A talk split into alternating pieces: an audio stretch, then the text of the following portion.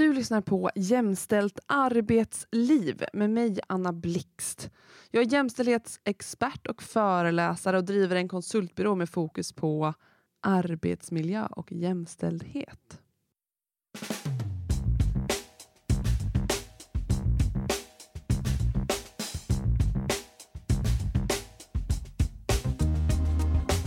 Dagens avsnitt av Jämställt arbetsliv handlar om fördomar och biases. Eh, och bias är partiskhet. En fördom är en åsikt, uppfattning eller inställning som inte är baserad på fakta utan snarare på känsla. De vanligaste fördomarna som känns som att vi pratar mycket om och som folk kan relatera till är kanske just rasistiska sådana. Att vi har fördomar om folk baserat på kultur eller hudfärg eller brytning eller så. Och att vi tänker liksom då negativt på olika sätt om dessa människor. Men vi har fördomar om allt kan jag säga. Och alla har det, inget konstigt. Varför eh, har människan då eh, alla dessa fördomar? Det är ju dumt. Well, det finns en naturlig förklaring. För att negativ information har varit livsviktigt att prioritera framför positiv information tänk så här, faror. Liksom. Om jag har en fördom om män, alltså inte fakta om att så här, alla män, jag tänker lite för länge sedan, men fortfarande idag förstås. Eh, om jag, alltså alla män är ju inte farliga, men om jag ändå har fördomar kring så här, det kommer in en man eh, i en gränd där jag står själv och väntar. Eh, om min magkänsla då, eller så, det känslomässiga är så här, oj oj oj, det här kan vara en riktigt farlig, för män kan ju vara skitfarliga.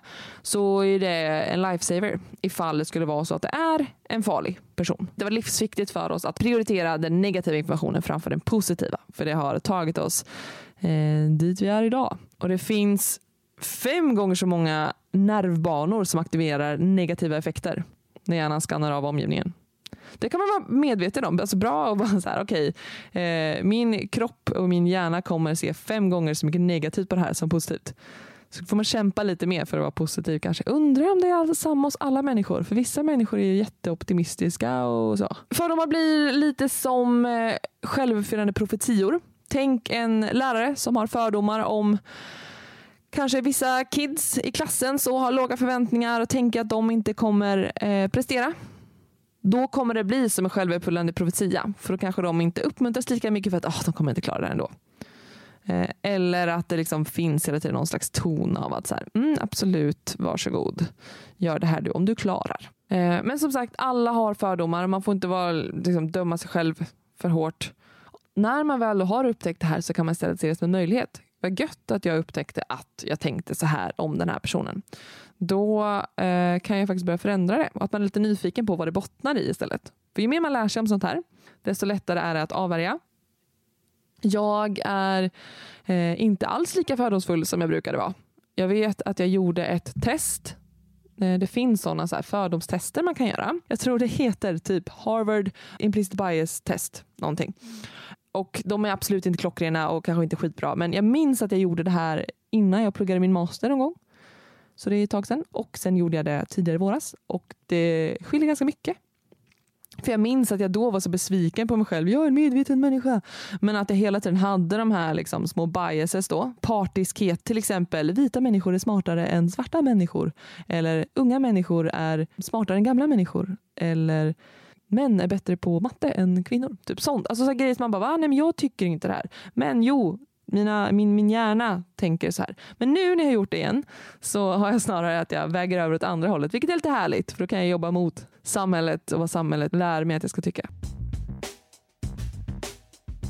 Det finns ju förstås jättemycket risker med fördomar och, och om vi tänker ur ett näringslivsperspektiv eller ett arbetslivsperspektiv så kan man ju förlora så himla mycket talang. Jag menar, att man fattar en väldig massa fel beslut och sånt. Alltså så att det liksom, om man vågar ta lite risker och så här, ah, vi anställer den här personen, men man gör liksom inte det för att man har så mycket fördomar om alla som inte är ja, men som en själv. För det är också någonting med in-group samhörighet. Att vi har mindre fördomar om de som är som oss och att så här, eh, det är lättare att jobba med människor som är som oss. Och det är liksom hjärnan som tar genvägar. Och vi har då också antaganden om eh, egna gruppen och om andra grupper. Så att så här, vi är heterogena och de är homogena. Alltså så här, ja, men vår grupp är jätteblandad.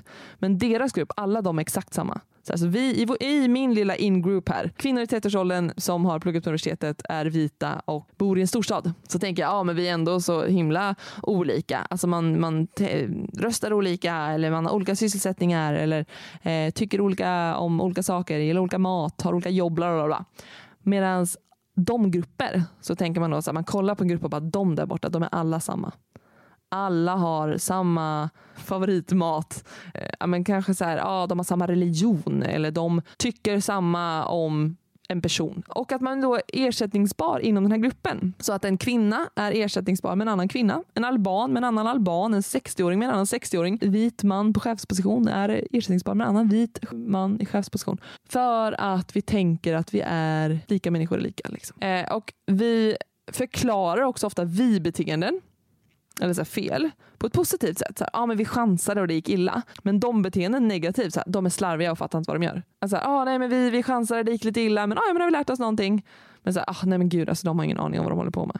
De, vi. Och allt det här handlar om små liksom, som sagt genvägar som hjärnan tar. Alltså sorterar upp människor för oss för att det ska vara lättare. Så det är någonting som, som sker, som händer hela tiden. Ja, och vi sorterar liksom ny information då baserat på tidigare erfarenhet. Så om man då till exempel inte har träffat en feminist innan och bara hört om dem så tror hjärnan på det man har hört. Eh, så att jag har till exempel en erfarenhet där jag sa att jag var feminist, det här är ganska länge sedan, eh, och fick höra så här, va?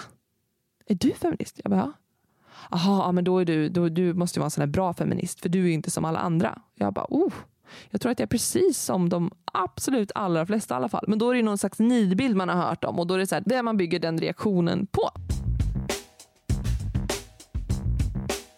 Men hur kan vi undvika våra fördomar och våra biases? Först och främst så ska man lära sig att ifrågasätta sina första intryck och reaktioner på andra också då uppmuntra folk i ens omgivning att göra det. Att så, oj, varför tänkte jag så här?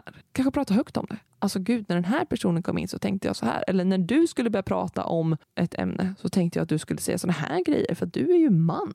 Alltså att man säger sådana saker. Att vi har fördomar så de kommer upp. Men också att man lär sig mer om människor. Kanske människor från olika kulturer, människor med olika värderingar, bakgrunder, alltså annat än din egen. Och försök förstå hur de här skillnaderna liksom påverkar oss och hur vi behandlar varandra. Och på arbetsplatser kan man utbilda sin personal eller man bör skulle jag säga, för att kunna ha en, en bra arbetsplats eh, där folk känner sig sedda, hörda, bekväma, alltså att man är trygg på sin arbetsplats, så är det jätteviktigt att folk lär sig om det här. Att man pratar om, också att man pratar om normer och sånt för, förstås. Att vi förstår att personer som faller utanför normen har vi mer fördomar kring. Alltså om man är på ett eh, en arbetsplats där de allra flesta är eh, vita, högutbildade personer i 30 till 40-årsåldern. Och sen så kommer det in människor som kanske är äldre, yngre, ehm, har andra kulturella, eller andra kulturer eller andra bakgrunder, kanske har inte har pluggat. Alltså allt sånt som då inte stämmer in inom normen där kommer vi ha fördomar om.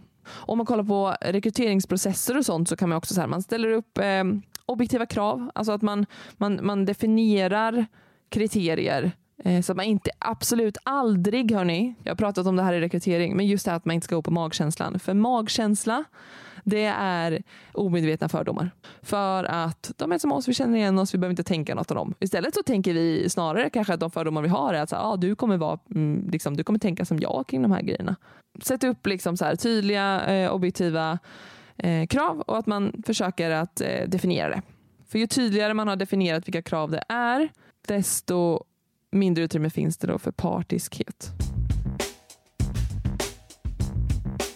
Nu tänkte jag ge en jäkla massa exempel på olika biases för det finns så många. Bias nummer ett. Samhörighetsbias. Vi gillar människor som har samma intresse som oss, samma bakgrund som oss som vi kan identifiera oss med. Och Det här är något man kan undvika genom att aktivt identifiera det här. Att säga, oh, okej, okay, den här personen så ser jag ju det här, de här likheterna. Därför gillar jag vad den säger. Och om man aktivt identifierar det så kan man sen särskilja det från kompetens eller från liksom så här, erfarenhet eller vad det kan vara. Och det är också som sagt i rekrytering och så. Att man, oj, oj, oj, här kommer in en person som är exakt som jag. Då måste vi börja plocka bort de här grejerna så att jag verkligen kan fokusera på vad det är som är viktigt här. Eh, bias nummer två, bekräftelse-bias. Och Det här är att vi drar slutsatser om någonting baserat på vad vi vill ska ske och våra fördomar. Så till exempel då, om man inte gillar, ja, återkommer jag till feminister här, men om man inte gillar feminister så kommer man kanske leta efter negativt, negativa saker som bekräftar bilden. Men också om man vill att någonting så här, oh, men jag vill verkligen att den här personen ska passa på det här jobbet och bla bla bla. Då ser man kanske de grejerna. Bekräftelsebias helt enkelt, att vi ser det vi vill se. Bias nummer tre. Konformitetsbias. Vi anpassar våra åsikter och beteenden till gruppen. Alltså konformitet, alltså att man, man, man anpassar sig. Man vill vara som de andra. Och Det här är ett stort problem på arbetsplatser. I skolan jobbar man ju med sånt så här, huvudet på bänken och så räcker ni upp en hand om ni vill följa med. Eller om ni vill rösta för det här. Så att man får bort liksom grupptänket där, att vi inte gör som alla andra. Och Där kan man också underlätta genom att skriva ner saker först. Nu får ni först sitta ner och skriva, eller så skriva ner vad ni tycker om det här. Och sen börjar vi diskutera, för då har man redan skrivit ner sin åsikt innan man har hört vad alla andra säger. Bias nummer fyra. Halo-effekten man vet någonting bra om en person eller eh, kanske att den har jobbat på ett bra coolt företag eller den är kompis med den här personen eller den har gjort det här jättekola. Och då tillskriver man den andra bra egenskaper baserat på det här. Så Halo är alltså att man får då, alltså, ja ah, men du har gjort det här bra, alltså är du förmodligen en jättebra människa på alla sätt och vis. Du får en liten gloria. Bias nummer fem. Horneffekten. Alltså motsats till Halo. Så vi har, vi har hört så dåliga saker om någon eller vi har varit med om någonting negativt någon gång. Och nu fortsätter vi låta det påverka vår beskrivning av den här personen. Eller av ett företag eller vad det nu kan vara. Alltså att vi inte omvärderar vår uppfattning av någon. Och Det här kan man undvika genom att när man är negativ till någonting så försöker man identifiera källan till det här. Och samma sak också om någon annan är väldigt negativ. Men du, var, varför är du så negativt inställd? Var kommer det här ifrån? Att man försöker identifiera det som ah, men det var den där gången när den här personen sa det här skämtet på min bekostnad och jag blev ledsen och alla så. Och det var en gång, det kan vara harmlöst. Ta upp det i så fall. Och att man försöker att ta sig vidare därifrån. Bias nummer sex. Kontrasteffekten. Och Det här att vi jämför saker, alltså kontraster. Så om man har först en person, det kanske kommer in en, en person på ett eh, kontor som är har en helt normal energinivå och därefter kommer jag. Och vips så framstår eh, antingen den första som ganska lam alternativt jag som oj oj oj så speedad. För att man jämför oss. Men om, det är, om man inte hade liksom sett oss i kontrast till varandra så kanske det hade varit liksom, då hade vi båda varit normala. Eh, och det här är ett kul experiment på det här. Det här är förvisso, eh, vad ska man säga, kroppsligt, fysiskt. Men man kan ta tre glas vatten, varmt vatten i ett glas, kallt i ett och ljummet i ett. Jag har absolut gjort det här på riktigt. Och så börjar man med det kalla vattnet. Stoppa ner fingret. Jag visar här nu i mitt imaginära glas. Ner med fingret i det kalla, upp och sen ner i det ljumna. Oj, oj, oj vad mycket varmare det var. Vad gött. Så upp, ner i det varma och tillbaka i det ljumna. Och vips så är det ljumna ganska kallt. Det är lite så det funkar med kontrasteffekten då. Att vi jämför liksom hela tiden allt vi ser med varandra. Bias nummer sju. Könsbias. Och Det här är att vi föredrar ett kön över ett annat. Och Män och kvinnor, just i rekryteringssynpunkt, föredrar män. Och män är en och en halv gånger troligare att få en anställning inom alla yrken, förutom vissa kvinnodominerade yrken. Inom alla andra, om en man söker så har han en och en halv eh, gånger större chans att få jobbet. Men alltså, eh, ja, och det här är ju i liksom i jättemycket. Sen så är det ju, rent privat så kanske vi har då en, en eh, preferens eller man ska säga, för andra kön och sånt. Men om vi kollar på investeringar till exempel så har man gjort så studier där man liksom får eh, ja, exakt samma information om en man och en kvinna. Eller man bara byter namn, liksom, men det är samma information i övrigt. Och då är det 68 procent vill investera i mannen, endast 32 i kvinnan. Fast det är samma information för att vi föredrar en man. Bias nummer åtta, åldersbias. Vi tycker olika om människor eh, i olika åldrar. Människor som är 50 plus har till exempel svårare att hitta jobb för att man inte vill anställa dem baserat på fördomar om äldre. Eh, men det är också så här, hur undviker man det här på ett företag? Ja, man utbildar om det. Och att man eh, måste slå hål på myter om olika åldrar också. Framförallt så kanske det, om det finns ett sånt starkt så här, åldersbias på en arbetsplats så har ni nog problem för att vi behöver ha heterogena arbetsgrupper. Alltså vi behöver ha blandade arbetsgrupper med olika perspektiv. Om ni alla är unga, ni behöver lite hjälp. Bias nummer nio, namnbias. Vi föredrar människor med vissa namn. Utan att träffa en person så kan vi ha massa känslor om den här baserat bara på namnet. Inte så förvånande kanske med tanke på rasism. Det här kan man undvika då genom att ta bort namn till exempel i rekrytering. Jag vet inte varför jag återkommer till rekrytering hela tiden men det känns som att det är väldigt mycket, alltså rekrytering förstör folks liv. Nej, men det är så här, om rekrytering bara vore helt fördomsfri, vilket det inte går, men, men så, då skulle så många fler kunna få eh, arbeten och, och, vi skulle ha så mycket mer alltså, blandade arbetsplatser för att just nu så är det så mycket fördomar som stoppar folk. Man är för gammal, man är för ung, eh, man har eh, fel bakgrund, kommer från fel stad, kommer från fel land. Ni vet, alltså det är så mycket som stör som inte gör att det faktiskt blir den bästa personen eller den mest kompetenta eller så som får jobbet. Bias nummer 10. Skönhetsbias. Det här är eh, riktigt starkt bias. För attraktiva människor tros vara mer framgångsrika och kompetenta än andra. Eh, och normsnygga människor, alltså de som vi då anser vara snygga, det, för det är ju, det är subjektivt. Liksom. Eh, de har till exempel högre löner än andra. Vilket förklaras av då så fördomarna om dem att attraktiva människor har svårare att få lågbetalda jobb för att det är under deras värdighet. Och sen den eh, investeringsstudien som jag nämnde innan då med att det var 68 procent som ville investera i mannen och endast 32 i kvinnan.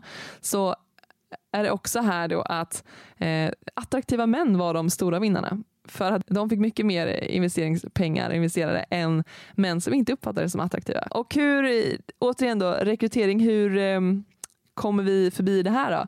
Och vi börjar med att ta bort bilder. Bilder har ingenting med saken att göra. Sen så kan man också ha en telefonintervju. Kör en telefonintervju först och sen tar man liksom in folk på, på intervju sen. Och på jobbet så kan man också ha men då, transparens i tillsättning och fördelning av arbete. Alltså vem får det roligaste uppdraget? Är det den snyggaste människan eller är det den som passar bäst för dig just nu? Bias nummer 11. Längdbias. Eh, både män och kvinnor bedöms ha högre kompetens när de är långa. Bestämdhet och ambition förknippas med långa kvinnor och långa personer ses som bättre ledare. Längre personer anses mer hälsosamma. Man gjorde en undersökning en gång som på antal rekryterare då och då visade det sig att 78 procent ansåg att en säljare som var över medellängd skulle ha ett större inflytande och framgång hos kunderna än en kort person. Och sen så har det har liksom blivit som någon slags vad ska man säga, negativ spiral eller positiv så. För att långa personer har ju då fått bättre självförtroende för att man blir tillskrivna en massa positiva sociala attribut vilket sen leder till ökade prestationer och sen till en mer framgångsrik karriär. Och om man kollar på löner så löner hos chefer jag vet i alla fall att det här gäller hos män, jag vet inte hos kvinnor, så eh, lönen ökar med längden. Alltså man har, man har kollat på, alltså en jättestor studie, man kollade på manliga chefer och deras löner, så kunde man då se att så här, det är statistiskt säkerställt liksom, att ju längre de var, desto mer pengar tjänar de. Bias nummer 12. Ankarbias. Så det är att man låter en initial känsla, någonting som har hänt eller så fakta man har fått höra, man låter det hänga kvar och påverka beslut. Men en person kommer in och kanske skvätter vatten på mig med sitt paraply utan att be om ursäkt för det här så får jag lite så här, oh, vilken otrevlig människa. Eller sen ankrar jag fast den här liksom upplevelsen, den här känslan till min uppfattning av den här människan. Sen. Så det är så man måste ifrågasätta sig själv ibland och bara så här, varför känner jag så här om den här människan? Bara, men gud, var det där för tre år sedan när den trampade på min fot och jag sa aj och den sa du står i vägen. Den kanske hade en dålig dag. Bias nummer 13. Icke-verbalt bias. Och det här är alltså att vi påverkas av, av icke-verbala saker, alltså mm, inte någonting någon säger utan det kan vara ett eh, slappt handslag, dålig eh, hållning, eh, kanske eh, märkliga kläder, kanske lukter, svett eller andedräkt eller kanske någon, någon stark parfym, eh, hur någon går. Bias nummer 14 och det sista, auktoritetsbias. Och det här handlar helt enkelt om att vi tar ord från en person högre upp i hierarkin på ett större allvar än någon längre ner. Just för att den är högre upp, inte för att den kanske har rätt kompetens. Här har studier visat att auktoritet ofta väger tyngre än ärendets så här faktiska viktighet. Så att till exempel så här, ett patientärende skyndas på för att det har kommit en order från en väldigt högt uppsatt person fast det egentligen kanske inte är lika medicinskt brådskande som andra. Och vi tar ord från högt uppsatta människor på väldigt stort allvar. Vilket många också utnyttjar. Och ett exempel på det här som har fastnat hos mig det var när en överläkare och docent i njurmedicin uttalade sig, alltså skrev en lång en debattartikel och, och försvarade eh, Jean-Claude Arnault, alltså kulturmannen. Och sen skrev under då så här, överläkare bla bla bla. Och fick sen kritik av det här för att Fast att det inte hade med någonting att göra, eller hur? Så använde hon sin titel för att säga, ah, jag är överläkare, jag har koll på njurmedicin. Det har ingenting med sexualbrott att göra. Så det är viktigt att vara medveten om. Viktigt att prata om. För att eh, ju mer vi pratar om saker, desto lättare är det att göra någonting åt det. Men viktigt är också att om man säger så här, de flesta försöker överkomma sina bias. Då minskar någons bias. För att om man säger så här, ja, men andra, det här med konformitet, ni vet, konformitetsbias där. De flesta människor försöker jobba med det här, att man ska bli bättre på det. Då minskar det. Men om man säger eh, de flesta människor funkar så här, så ökar bias istället. Men gud, jag gör det här jätteofta. Jag bara bekräftar liksom att det är så här man funkar. Ja, det gör man, men de allra flesta eh, arbetar också aktivt för att eh, det här ska bli bättre. Så att prata om det, arbeta aktivt eh, mot liksom era egna fördomar. Vi alla har dem, så är det ju. Men vi måste också arbeta mot dem. Tusen, tusen tack för att du har lyssnat på detta avsnitt av Jämställt arbetsliv om omedvetna fördomar. Hoppas du har lärt dig någonting nytt och hoppas att du tänker lite extra kring de här sakerna i framtiden. Jag är tillbaka redan nästa vecka förstås med ett avsnitt om hushållsnära tjänster. Eller rutavdraget som absolut kommer nämnas slash vara hela innehållet i avsnittet. Tack för att ni har lyssnat. Ta hand om er och ta hand om varandra och tillsammans gör vi arbetslivet lite mera jämställt. Det här avsnittet har klippts av Sofia Svandi från Mill Meadow Media.